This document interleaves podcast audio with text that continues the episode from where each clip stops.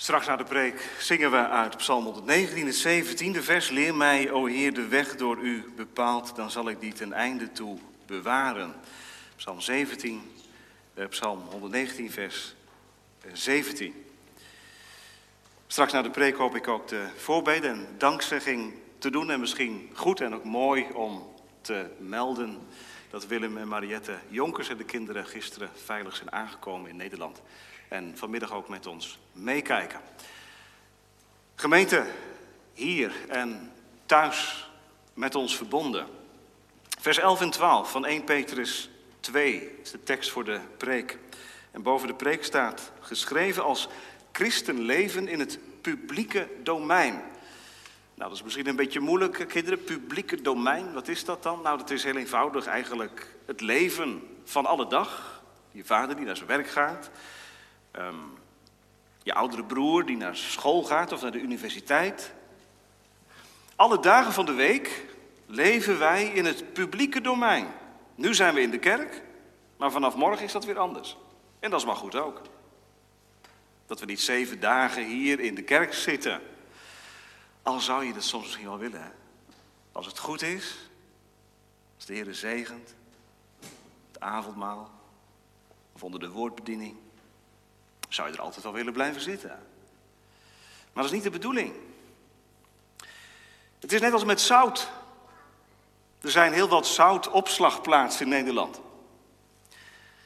Tonnen zout, strooizout bedoel ik. En dat is natuurlijk prachtig dat het er is. Maar het heeft alleen effect, het heeft een functie als het ook uitgestrooid wordt, als het nodig is. Jezus zegt tegen de gemeente, u bent het zout van de aarde. En dat zout dat moet gestrooid worden, verspreid worden door de samenleving heen. Het leven in het publieke domein, dat is uiteindelijk waar het gebeurt. En die eerste dag van de week, gemeente, is bedoeld om de andere dagen van de week voor zijn aangezicht te leven. Maar hoe moet dat nu? Ik hoop, jonge mensen, dat het echt een vraag voor je is. Hoe moet je nou als christen leven in deze wereld met zoveel andersgelovigen en met ongelovigen? Misschien zeg je als student, ik vind dat gewoon heel ingewikkeld. Ik, ik heb zoveel kritiek van, van medestudenten. Of ook als ouderen kun je dat hebben, hè? dat je in de, in de hoek gedreven voelt door collega's. Hoe nu als christen te leven? Nou, dat is geweldig als die vraag er is van de middag. Denk niet dat u de eerste bent die die vraag stelt. Die vraag is er, was er ook in de tijd van Petrus, ongetwijfeld. Petrus gaat er althans op in, in zijn brief. En dat is maar goed ook. Want laat het zo zijn dat het in de kerk moet gaan over je ziel. Over God en je ziel. En dat is heel dringend nodig. Maar je hebt ook een plek in die wereld, in de samenleving.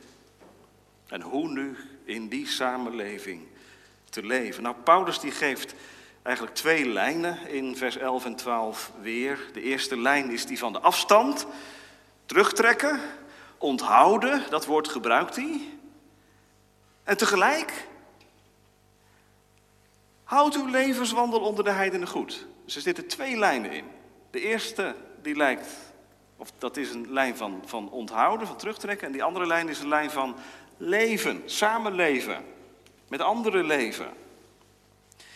En zo kom ik op drie gedachten. Ik hoop dat ze op het bord uh, passen. Ze zijn wat langer dan gewoon. Um, door onthouding van verkeerde verlangens, dat is het eerste. Geliefden, ik roep u op als bijwoners en vreemdelingen u te onthouden van de vleeselijke begeerten die strijd voeren tegen de ziel. Dat is het eerste. Hoe moet je nou leven als christen in de samenleving? Nou, allereerst door je te onthouden van verkeerde verlangens. En dan het tweede, onder het kritisch oog van de medemens. Bedenk dat, zegt Paulus. Houd uw levenswandel onder de heidenen goed, want ze houden je in de gaten. Opdat zij die nu van u kwaad spreken, als van kwaaddoeners, door de goede werken die zij in u waarnemen, God verheerlijken mogen. Ja, dat is dan het derde. tot verheerlijking van God de Vader. Het is niet zonder doel dat een christen leeft in de samenleving. Soms denk je, wat, wat haalt het uit? Ben ik wel van betekenis in de buurt? Stelt niks voor. Ja, wacht even, zegt Petrus. God verheerlijken mogen op de dag dat er naar hen omgezien wordt. Dat is eigenlijk een belofte, hè? Goed. Laten we eerst die eerste gedachte met elkaar behandelen. Door onthouding van verkeerde verlangens. Petrus begint met het woord geliefden. Zo spreekt hij de adressanten aan. En dat is natuurlijk een prachtig woord. Geliefden. Wanneer ben je geliefd? Kinderen in de kerk, wanneer ben je geliefd? Kinderen thuis, wanneer ben je geliefd? Als er een vader of een moeder is, als er ouders zijn die van je houden. En die om je geven. En dat weet je ook. Dat voel je ook. Een thuis. Een plek waar aandacht en liefde is voor jou. Je bent geliefd. Nou weet je kinderen, iedereen die in de Heer Jezus gelooft, is een geliefd kind van God. Je bent geliefd, zegt de Bijbel. Waarom dan? Omdat je zijn ontferming geproefd hebt, omdat je getrokken bent uit de duisternis, hoofdstuk 2, vers 9, tot zijn wonderbaar licht. Dat is ontferming. Dat is genade. Geliefd. En die tekenen van brood en wijn, hè, die u net mocht proeven en smaken, die zijn eigenlijk een onderstreping daarvan. Je bent geliefd. Je leefde zonder hoop. Zonder God. Maar de Heilige Geest heeft je zicht gegeven op de Heer Jezus Christus. En nu, nu kun je zeggen, geprezen zij de God en Vader van onze Heer Jezus Christus, die ons heeft wedergeboren tot een levende hoop, overeenkomstig zijn grote barmhartigheid. Dat beleidt een christen. Wonderlijk hè? Geliefd. Ontferming gevonden.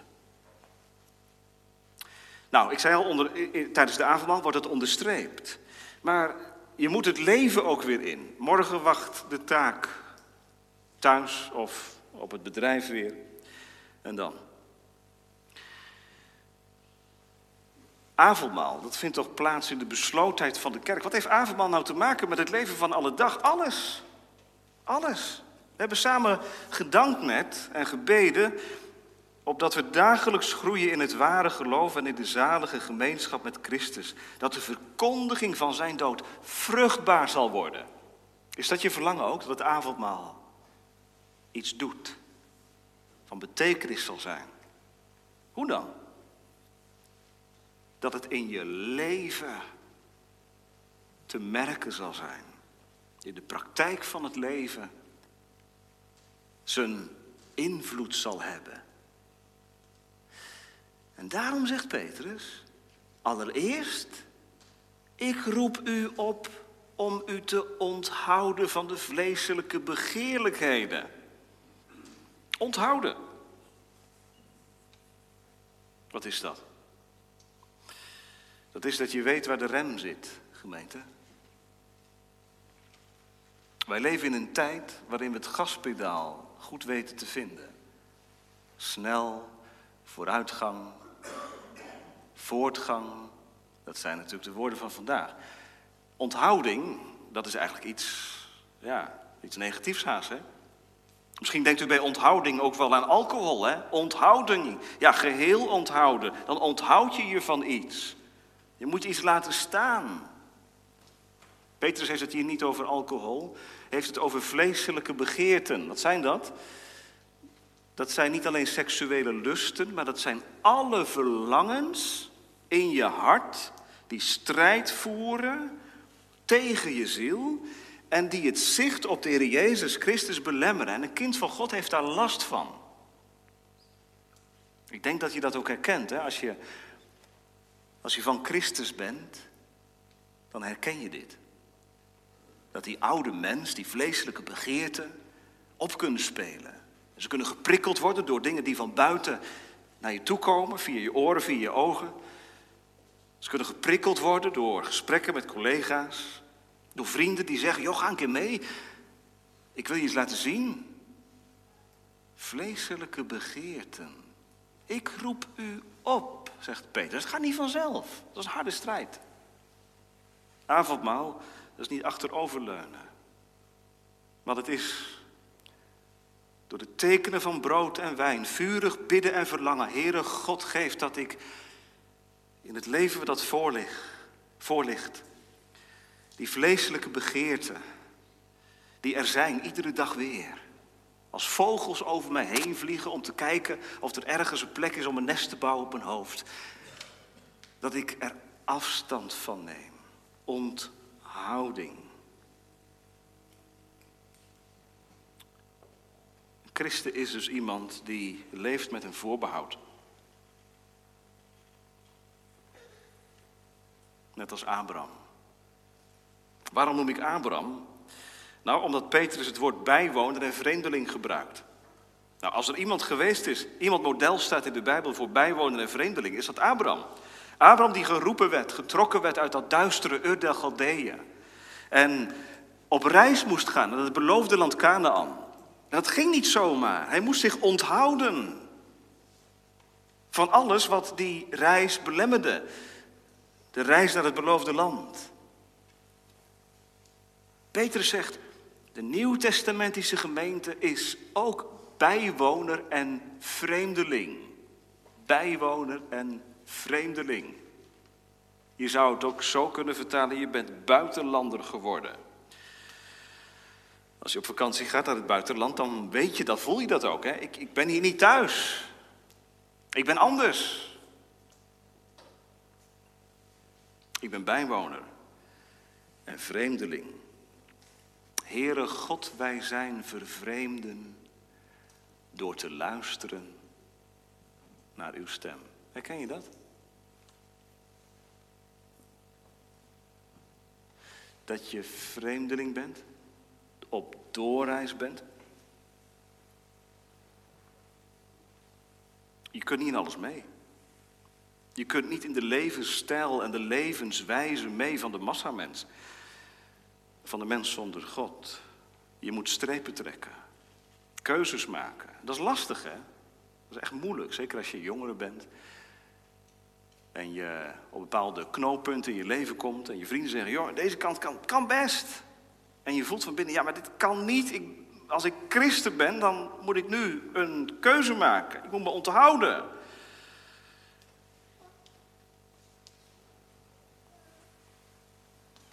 Petrus laat zien dat er een diepe spanning bestaat tussen het beleiden dat je christen bent en het leven in de wereld. Dat is een heel belangrijk gegeven.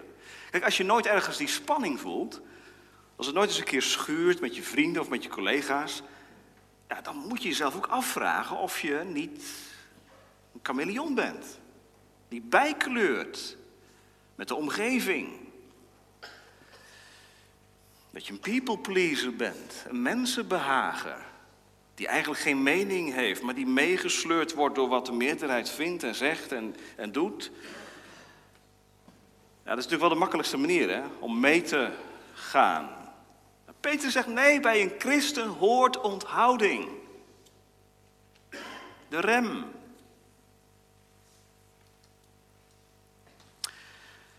Misschien luisteren er mensen mee en die zeggen: Heel goed, dominee.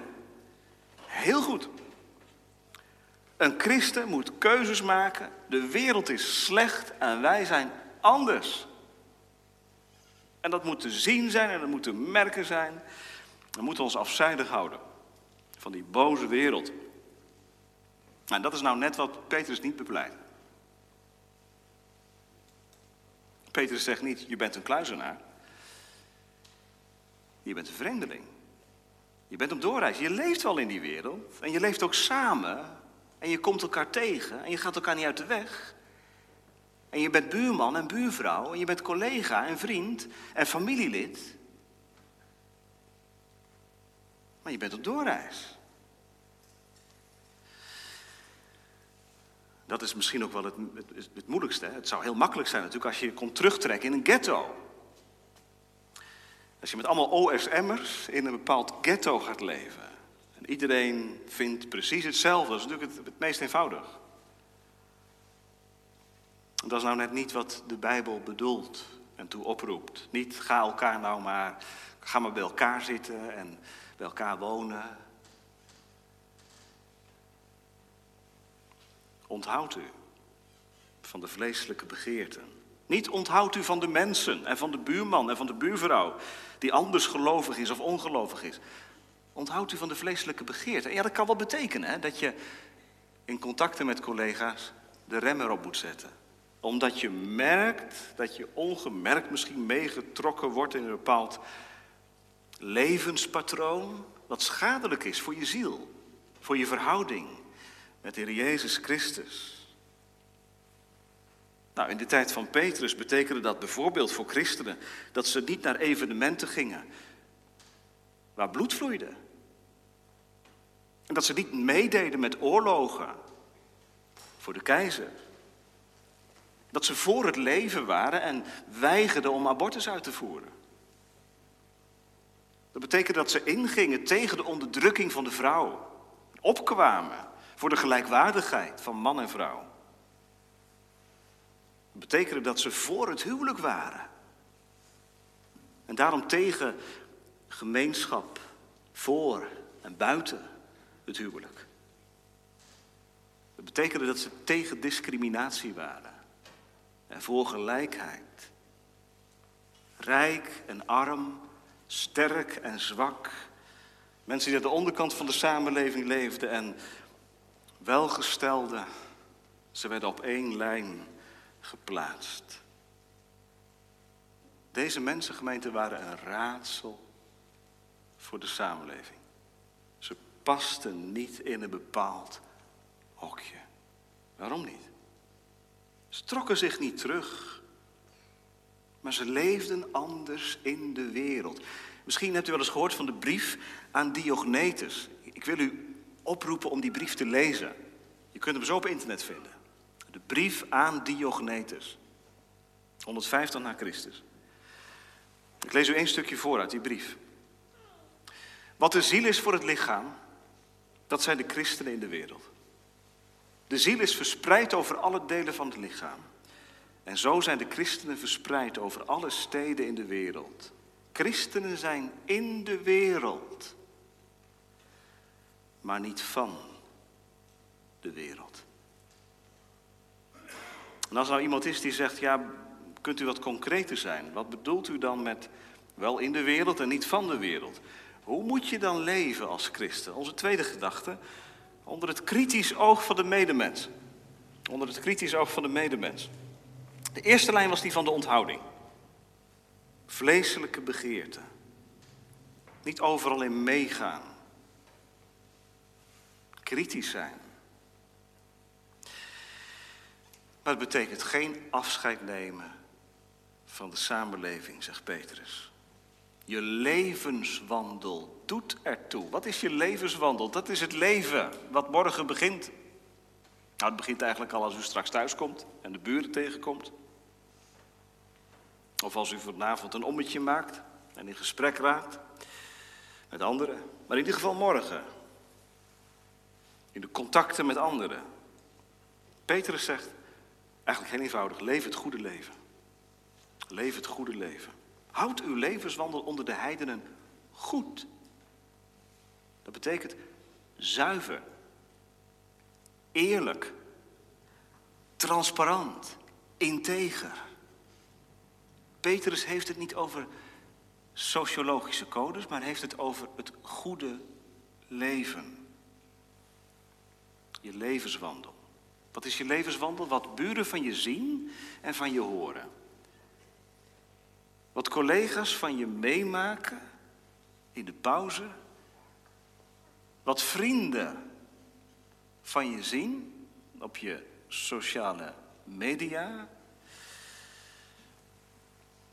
Houd uw levenswandel onder de heidenen goed. Onder de heidenen, niet onder de vijanden. We kunnen soms een vijandbeeld creëren. Hè? De kerk en dan die boze wereld, die is heel boos op de kerk. En dat is eigenlijk heel erg. En we zijn een beetje zielig. Houd uw levenswandel onder de heidenen goed. Gemeente, het zijn mensen met een ziel hoor, net als u en ik. Het zijn heidenen, dat betekent, zij kennen God niet. En wat een zegen, u staat misschien wel in verbinding met heel veel heidenen. Houd uw levenswandel onder de heidenen goed. Ja, zegt iemand, wat zien ze nou van mij? Ze zien heel veel van u en van mij. Als je ze uitnodigt op de koffie. Of de buren een keer aanschuiven bij een maaltijd. Reken maar dat ze heel veel zien. Hoe je omgaat met je vrouw bijvoorbeeld. En hoe je omgaat met je kinderen. En dat doet wat anderen. Houd uw levenswandel onder de heidenen goed. Petrus heeft het hier niet over woorden. In andere gedeelten wel. Maar hier zegt hij eigenlijk: verkondig het evangelie met je leven. Met je levenswandel. Wat gebeurt, gemeente? U kunt respect afdwingen. Niet door met de vinger te wijzen, maar door te leven, door consistent te leven. Door te leven bij een open Bijbel, door af te wegen wat kan en wat niet kan. Laat ik nog iets concreter zijn. Wat is nou goed? Petrus gebruikt dat woord goed. Nou, je zou kunnen denken aan wat Petrus later in 2 Petrus 1 uh, noemt, aan deugden. Hè? Uh, zelfbeheersing, uh, broederliefde, geloof. Dat zijn ergens hele gewone dingen die iedereen goed vindt. Eerlijkheid vindt iedereen goed. En integer zijn, dat vindt iedereen goed. En dienstbaar zijn aan anderen vindt iedereen goed. Het gebeurt niet altijd. Laat uw levenswandel onder de heidenen goed zijn. Als er nou een roddelcircuit is op het werk, dan is het natuurlijk heel makkelijk om eraan mee te doen.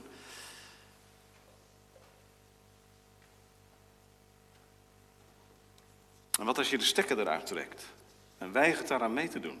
Niet op een hoterne wijze, maar wel vanuit de overtuiging dat dit niet Christus verheerlijkt, maar kwaad is. Ja, dan verlies je misschien contacten, zegt iemand. Ja, dat zou kunnen. Dat zou kunnen. Maar het is wel het goede leven. Het goede, heilige leven. Of, zegt Petrus, de goede werken iets verder. Nou, goede werken, daar zijn we wat huiverig voor. Maar het gaat hier niet over goede werken die bijdragen aan het heil. Maar het gaat om de goede werken die voortkomen vanuit de geloofsverbondenheid met Christus. De, het, de vruchten, Johannes 15, van de wijnstok. De levenssappen die door de rank heen gaat en vrucht draagt. Gemeente, misschien is dit wel een hele duidelijke spiegel voor ons. Wat zien mensen van ons? Is het enige wat ze zien dat wij op zondag naar de kerk gaan? Want als je nou vraagt, hoe kun je nou je levenswandel onder de heidenen goed houden? Ja, dat is je leven openleggen. Misschien je huis openstellen. In ieder geval openstaan voor contacten. Zo krijgen mensen inkijk in je leven. Een leesbare brief van Christus zijn. Dat is dus wat anders dan christelijke dingen doen. Natuurlijk, dat, is, dat hoort er ook bij. De gang naar de kerk en noem maar op. Maar gemeente, dat is het niet alleen. Je levenswandel. Nou, dan komt het voor dat je als collega bevraagd wordt. Hè? Je bent getrouwd? Hoe lang? Tien jaar al? Met dezelfde vrouw? Nou, wat een kans. Om te vertellen in deze tijd hoe hoog je de trouw hebt staan. Een eerlijkheid. Een onvoorwaardelijke liefde.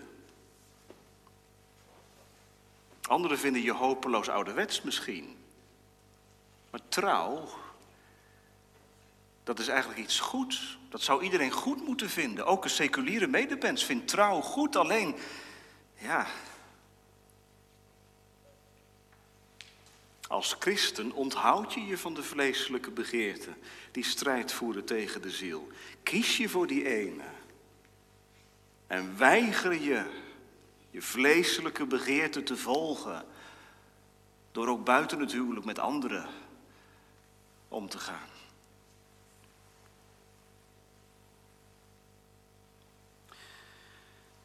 Nou, zegt iemand, dat zou toch wel heel veel positieve waardering moeten opleveren. Als je nou zo goed leeft.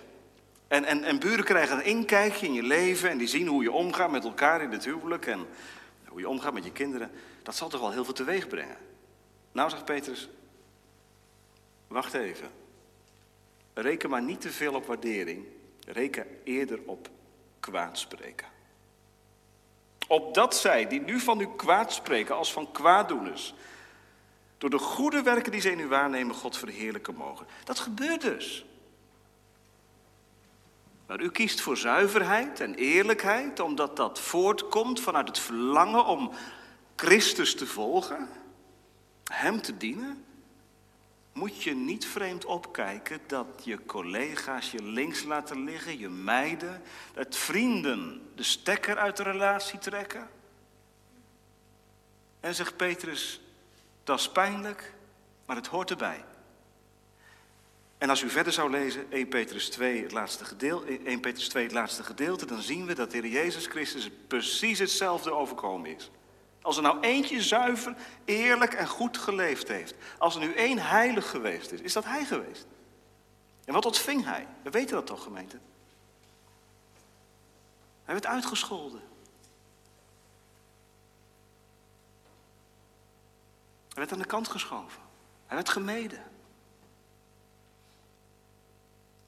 Als dat Heer Jezus trof, zal dat ook mensen treffen die in zijn voetsporen nagaan. Toen ik in India was, twee jaar geleden, en daar sprak met mensen die op zondag samenkwamen in een kerkgebouw.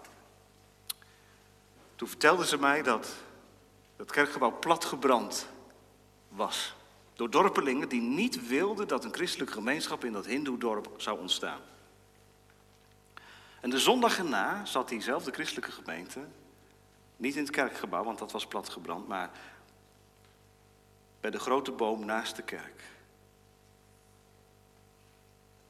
In plaats van wraak te nemen, ze wisten wie het gedaan hadden, gingen ze door met goed doen. Ze kwamen samen.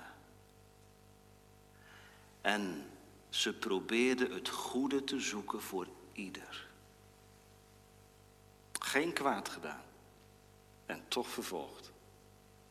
Gemeente, dat is het deel van degene die bij Christus horen.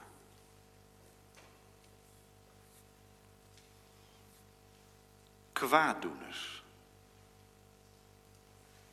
door de goede werken die zij in u waarnemen, God verheerlijken mogen. Achter je rug om wordt er over je gepraat. Word je uitgemaakt misschien als een, als een heilige, als een vrome. Petrus zegt, ga je niet verdedigen. Ga door. Houd uw levenswandel onder de heidenen goed. Waarom dan? Waarom doorgaan? Nou, vanwege dat laatste opdat ze God verheerlijken mogen op de dag dat er naar hen omgezien wordt. Wat is het doel van dit alles? Ik weet dat er ook jonge mensen hier in de kerk zijn die het verlangen, die, die voor in de kerk gestaan hebben, beleidenis gedaan hebben van het geloof. Dominee, ik wil zo graag getuigen van de Heer Jezus in de wereld, maar ja. Het levert echt niet alleen maar positieve waardering op. Waar doe je het dan voor? Waar doe je het voor? Opdat zij God verheerlijken mogen. Dat is een belofte. Op de dag dat er naar hen omgezien wordt. Petrus heeft denk ik gedacht aan Matthäus 5, vers 16. Laat uw licht schijnen voor de mensen. Opdat zij uw goede werken mogen zien. En uw Vader in de hemel zullen verheerlijken. Het christelijke leven, zegt Petrus, is zichtbaar. Die goede werken die zijn aan de buitenkant zichtbaar en die maken iets openbaar van je innerlijk. Goede werken die zijn transparant tot op Christus. Ja, maar als ze hier aan de kant schuiven. Petrus zegt dat geeft niet. Wie weet zijn er mensen bij die God verheerlijken zullen op de dag dat er naar hen omgezien wordt. Wat is dat, de dag dat er naar hen omgezien wordt? Is dat de dag van het oordeel? Er zijn uitleggers die voor die optie kiezen. God wordt verheerlijkt in de ondergang van de goddelozen. Er zijn ook wel teksten in de Bijbel hè, die daar eh, aanleiding toe geven. Dat God ook verheerlijkt wordt. Zelfs als mensen ondergaan. Maar hier moeten we denken aan de dag van het omzien, van het genadig omzien. God verheerlijken mogen op de dag dat er naar hen omgezien wordt. Ik denk aan Psalm 86, de belofte die daar staat dat alle heidevolken zullen komen en Gods naam de eer zullen geven. Wat zou het, wat zou het geweldig zijn als uw aanwezigheid in het leven van een niet-christen ertoe bijdraagt dat er jaren later naar hen omgezien wordt. Petrus legt een heel nauwe relatie tussen die goede werken en Gods omzien. Door wat ze van ons zien, God verheerlijken. En gemeente, dan spant het er wel om. Hè? Ziet u hoe, hoe belangrijk onze levenswandel is? Want wij kunnen natuurlijk ook, ook het tegendeel laten zien. We zijn natuurlijk als kerk geregeld in het nieuws. En twee weken geleden gebeurde dat nog. Kerkgangers. Die de pers belaagden. dan kun je natuurlijk zeggen, ja, die pers die belaagde die, die, die kerkgangers ook. En ze lokten het uit. Ja, maar is dat dan je levenswandel onder de heidenen goedhouden gemeente?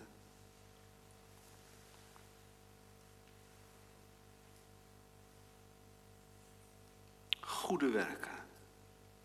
Dat zijn werken die voortkomen vanuit de verbondenheid met Christus. Laat anderen iets van u in mij zien. Is dat je gebed? Ga je zo de week in? Weet dat is wat we gebeden hebben hoor net.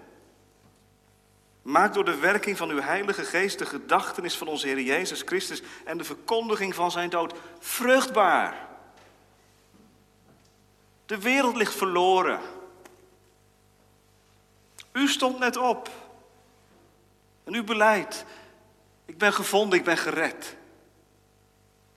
En wat een zegen, u mag straks in verbinding weer komen met allemaal mensen buiten de kerk. En door je levenswandel mag je bijdragen aan de verheerlijking van God. Mogen aan God overlaten. Maar één ding geweten, zoals de Heer Jezus als tarwegraan in de aarde gestrooid is, gestorven is en door zijn sterven vrucht droeg, zo zal het ook gaan met ieder die Christus lief heeft en hem volgt. Al is dat een weg van zelfverloochening, van kruisdragen, van verkeerd begrepen worden. Van uitgemaakt worden voor van alles en nog wat misschien. Van aan de kant gezet worden. Het gaat ergens naartoe. Een heel mooi voorbeeld geeft Peter in hoofdstuk 3. Kijkt u even mee. Evenzo vrouwen, vers 1. Wees uw eigen mannen onderdanig, opdat ook als sommigen aan het woord ongehoorzaam zijn, zij door de levenswandel van de vrouw zonder woorden gewonnen mogen worden. Kijk, dan geeft Petrus eigenlijk een voorbeeld. Er waren in die tijd gemengde huwelijken. De vrouwen eh, kwamen tot geloof. De mannen waren nog heiden. En Petrus zegt niet, ga maar weg bij die man. Maar leef het goede leven. Leef met de Heer. Opdat, zonder woorden, door jouw levenswandel, je man gewonnen wordt voor Christus. Nou, als dat in het huwelijk plaatsvindt, kan gebeuren, kan dat ook in de samenleving gebeuren. Want goede werken, gemeente, die slaan een bres in de muur van onbegrip. Je woorden, die kunnen verkeerd uitgelegd worden, maar je goede werken, die schitteren, die lichten op. Die onthullen de verbinding met een ander, met de levende. Dan staat je buurman op de oprit met die zure blik. Dan staat die collega voor je met die spottende ogen. En dan staat je vriend voor je met dat lachje om zijn gezicht. Oh ja, je bent christen, ja. En dan bedenk je deze week bij dit. Opdat ze God verheerlijken mogen. Op de dag dat er naar hen omgezien wordt. Die dag is aanstaande. En we mogen dat ook helemaal bij God laten. En aan God overgeven hoe Hij dat gaat doen. Maar het vurige gebed van een christen mag zijn: Heer, gebruik mij als een instrument in uw hand. Toen Bonhoeffer in de gevangenis zat in 1944, schreef hij een brief ter gelegenheid van de doop van een kind van zijn vriend. Dat gebeurde in die tijd wel vaker in de Lutherse kerk. En in die brief schreef hij over de toestand van de kerk. Dat de kerk gemarginaliseerd zou worden. En dat de kerk in de smeltkroes terecht zou komen. En dat is ook gebeurd door het naziregime. En juist in die tijd zag hij een taak weggelegd voor de christen. Hoe dan? Hij zegt dat is een verborgen en stille taak. Een verborgen en stille taak. Drie dingen. Bidden. Wachten op God. En het goede doen. Gemeente, dat is geen programma van macht en van kracht. Maar dat is de verborgen omgang met God. En ik hoop dat u die beoefent, iedere dag weer. Met het oog op de wereld om je heen. Gebruik mij in de samenleving als zout, wat prikkelt, wat smaak geeft en wat iets oproept. Bonhoeffer eindigt die brief met een citaat uit Jeremia 33. Ze zullen zich verbazen en verwonderen over al het goede en het heil dat ik aan haar doe. Die belofte is voor Israël. Hij betrok het rechtstreeks op de kerk. Ze zullen zich verbazen en verwonderen. Wat is de taak van de kerkgemeente? Wat is de taak van de christelijke gemeente? Moeten we de barricades op? Nee, waar u geplaatst bent, in de buurt, op je werk, je familie, daar leven als christen. En dat betekent dat ik het gebed heel erg nodig heb, wat we samen zingen. Leer mij, o Heer, de weg door u bepaald. Dan zal ik die ten einde toe bewaren. Wat een zegen. Als je zo gebruikt mag worden. Misschien weet je niet eens, maar je leven doet het toe. Het leven wat verlost is uit de greep van de boze. Het leven wat in Christus gevonden wordt. En wat zijn uitstraling heeft naar de buitenwacht. God geeft dat ons bidden, ons wachten en het goede doen daaraan mag bijdragen dat God verheerlijkt wordt op de dag dat er naar hen, de heidenen, omgezien wordt. Amen.